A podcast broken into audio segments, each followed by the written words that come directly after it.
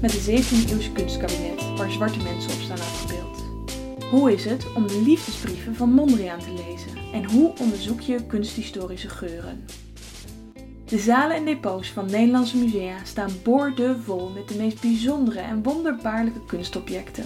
De museumvereniging publiceerde in april dit jaar dat jongere generaties de musea omarmen. Maar wat zijn nou eigenlijk de verhalen achter die objecten?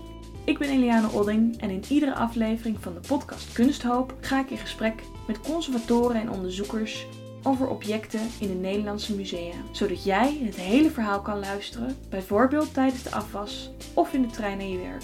Luister volgende week naar de eerste aflevering, maar abonneer je nu al op Kunsthoop, zodat je niets mist.